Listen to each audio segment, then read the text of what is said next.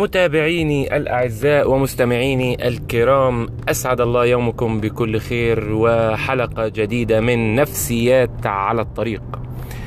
النهاردة موضوعنا موضوعنا مرتبط بالوضع القائم اللي أنا فيه.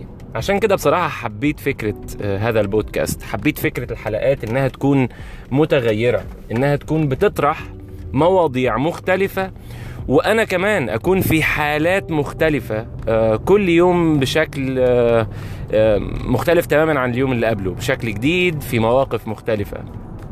اليوم موضوعنا في نفسيات على الطريق هو مبدأ الاستعجال والسرعة. النهارده أنا مستعجل وأنا رايح في مكان ما وبالتالي هنحاول ندخل الموضوعين في بعض. هنحاول نتكلم على النفسيات اللي إحنا بنقابلها في حياتنا وإحنا مستعجلين. وهل ممكن إنه إحنا مستعجلين نفوت بعض الناس اللي معرفتهم تكون كنوز؟ وهل ممكن بسبب استعجالنا ولهفتنا للحياة نربط نفسنا ببعض الناس اللي ممكن تكون معرفتهم يعني آه، بسبب لألم نفسي بالنسبة لنا؟ هل قراراتنا بارتباطنا ببعض الشخصيات وببعض النفسيات ممكن تتأثر بمدى استعجالنا وتسرعنا في الحياة؟ ويا ترى مبدأ في العجلة الندامة وفي السرعة الندامة و منين يا ترى جاي المبدأ ده؟ يا ترى إيه الفكرة إن دائما الإنسان اللي مستعجل عرضة لأخطاء أكثر من غيره؟ هو ده هيكون موضوع حلقتنا اليوم. لماذا السرعة والتعجل والتسرع يعرضنا للأخطاء أكثر من غيره من المواقف.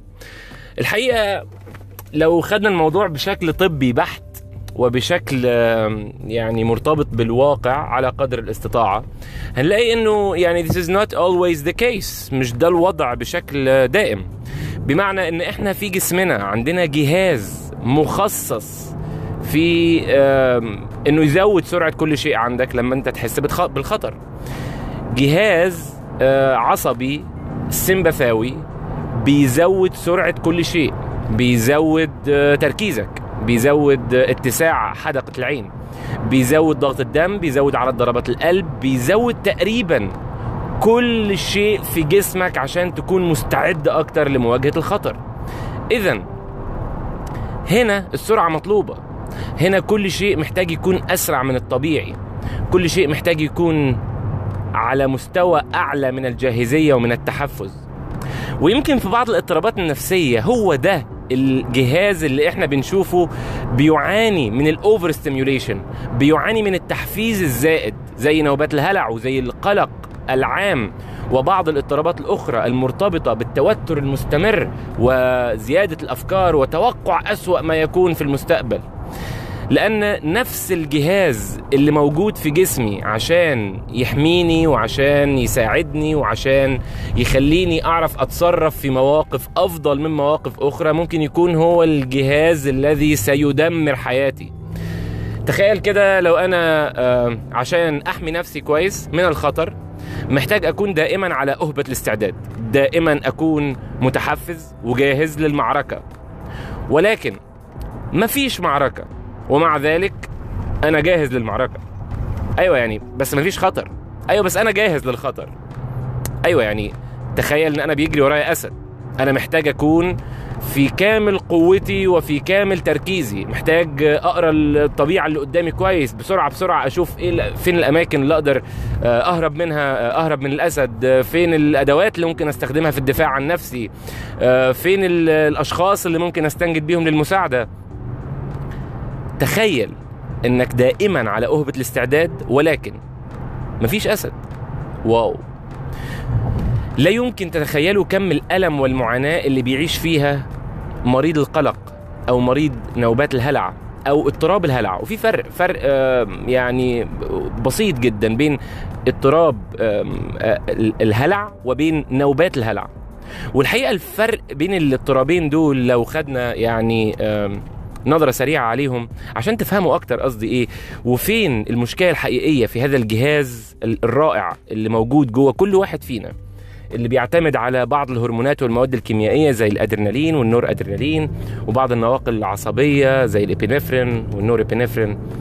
الحقيقة إن نوبات الهلع بيكون المشكلة فيها إن أنا عندي تحف... تحفيز زائد over stimulation لهذا الجهاز ال... ال- خلينا نقول ال- المناعي آه، اللي بيحميني من الأخطار اللي بره وبيخليني دايما جاهز للتصرف. دايما عندي الطاقة إني أتصرف. طيب لما بيبقى في over stimulation يبقى في تحفيز زائد عن اللزوم إيه اللي بيحصل؟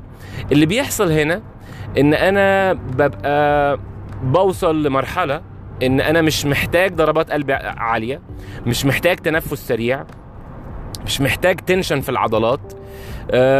وبالتالي ممكن أكون قاعد relax في البيت ممكن أكون بتمشى في الشارع ممكن أكون في الدوام ممكن أكون بمارس هواية معينة ومع ذلك كل ده بيحصل. ولما كل ده بيحصل في خارج مكانه ببقى أنا داخل نوبة الهلع مش فاهم إيه اللي بيحصل لي. يعني نفس الأعراض دي لو حصلت لي وأنا مثلا في خناقة وأنا بهرب من أسد وأنا في موقف كبير جدا محتاج أتصرف فيه ممكن أفهم إن دي رد فعل لهذا الموقف. ممكن أستفيد من بعض هذه الأعراض ولكن لما تحصل في خارج مكانها وفي موعد غير موعدها أنا ببقى مش فاهم مش فاهم ده بيحصل ليه. ومن هنا بيبدأ المخ يشتغل ويبدأ يطلع عندي أفكار زي إن اوه ضربات قلبي بتزيد ضغط دمي بيعلى عضلاتي فيها tension تنفسي بيبقى أسرع شكلي هموت. ليه؟ لأن مفيش مسبب لهذه الأعراض. طيب ده كده نوبات الهلع وهي بتحصل بدون أي دافع بدون أي trigger بدون أي ما نقدرش نربطها ابدا بأي مكان معين بأي شيء معين. ومع ذلك يميل بعض الأشخاص اللي بيعانوا من نوبات الهلع إن هم يربطوها. يربطها بمكان عمله يربطها بمكان عام يربطها بكذا. وهنا بتبدأ المشكلة. هنا بيبدأ الإنسان يتوقع حدوث نوبة الهلع قبل ما تحصل. وهو ده الفرق الأساسي بين نوبات الهلع وبين اضطراب الهلع. اضطراب الهلع هو إن أنا أبدأ أتوقع حدوث هذه النوبات بدون أي دليل لكن عشان حصلت لي مرة في السوبر ماركت اذا أنا متوقع إنها تحصل لي في السوبر ماركت عشان حصلت لي مرة في مكان عملي اذا أنا متوقع إنها تحصل لي في مكان عملي. وهنا بيبقى الموضوع في level تاني تماما من المعاناة. بدل ما أعيش حياتي وأنا يعني كل فترة والتانية ممكن يجي لي نوبة هلع. لا ده أنا عايش حياتي مستني هذه النوبات. أنا عايش حياتي في تحفز دائم لاحتمالية حدوث هذه النوبات. المشكلة مش هنا بس المشكلة إن أنا اولا بتوقع حدوث هذه النوبة وبعد كده بفضل أزود الموضوع في دماغي وأكمله بدائرة تفكير قلقة اسمها ماذا لو؟ what if أبدأ أقول ماذا لو جالي نوبة هلع في المكان الفلاني وما قدرتش أسيطر عليها؟ ماذا لو الناس ضحكت عليا؟ ماذا لو أصبح شكلي كذا قدامهم؟ ماذا لو حصلت لي والمرة دي بقى قلبي وقف ومت؟ ماذا لو المرة دي بقى ما عرفتش أتنفس؟ وهنا يصبح السرعة والجهاز اللي موجود جوانا عشان يوفر لنا سرعة الأداء وحسن التصرف والتحفيز ال- ال- السريع جدا للمواقف المختلفة بدل ما يخدمني يكون أكبر ضرر ليا. ويمكن في السرعة مش الندامة. أنا وصلت المكان اللي أنا عايز أوصله في 8 دقائق 37 ثانية. مش في السرعة بحد ذاتها الندامة ولكن في نقدر نقول السرعة بدون مسبب. في السرعة اللي ملهاش تريجر حقيقي. في السرعة المفرطة اللي مش مبنية على قدرة مدروسة. في السرعة اللي مفيش وراها تدريب صحيح على إزاي أتعامل مع هذه السرعة. ممكن يكون في هذه الحالة في السرعة الندامة. طول ما أنا بستخدم شيء أنا مش متعود عليه. بستخدم شيء مش في محله. بستخدم شيء ما خدتش التدريب الكافي عشان أعرف أحركه.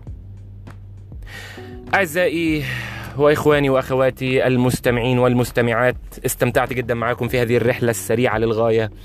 جزاكم الله كل خير على المتابعة الطيبة ونختم هذه الحلقة من نفسيات على الطريق وتكلمنا فيها على السرعة ومتى تكون السرعة قاتلة ومتى تكون مفيدة.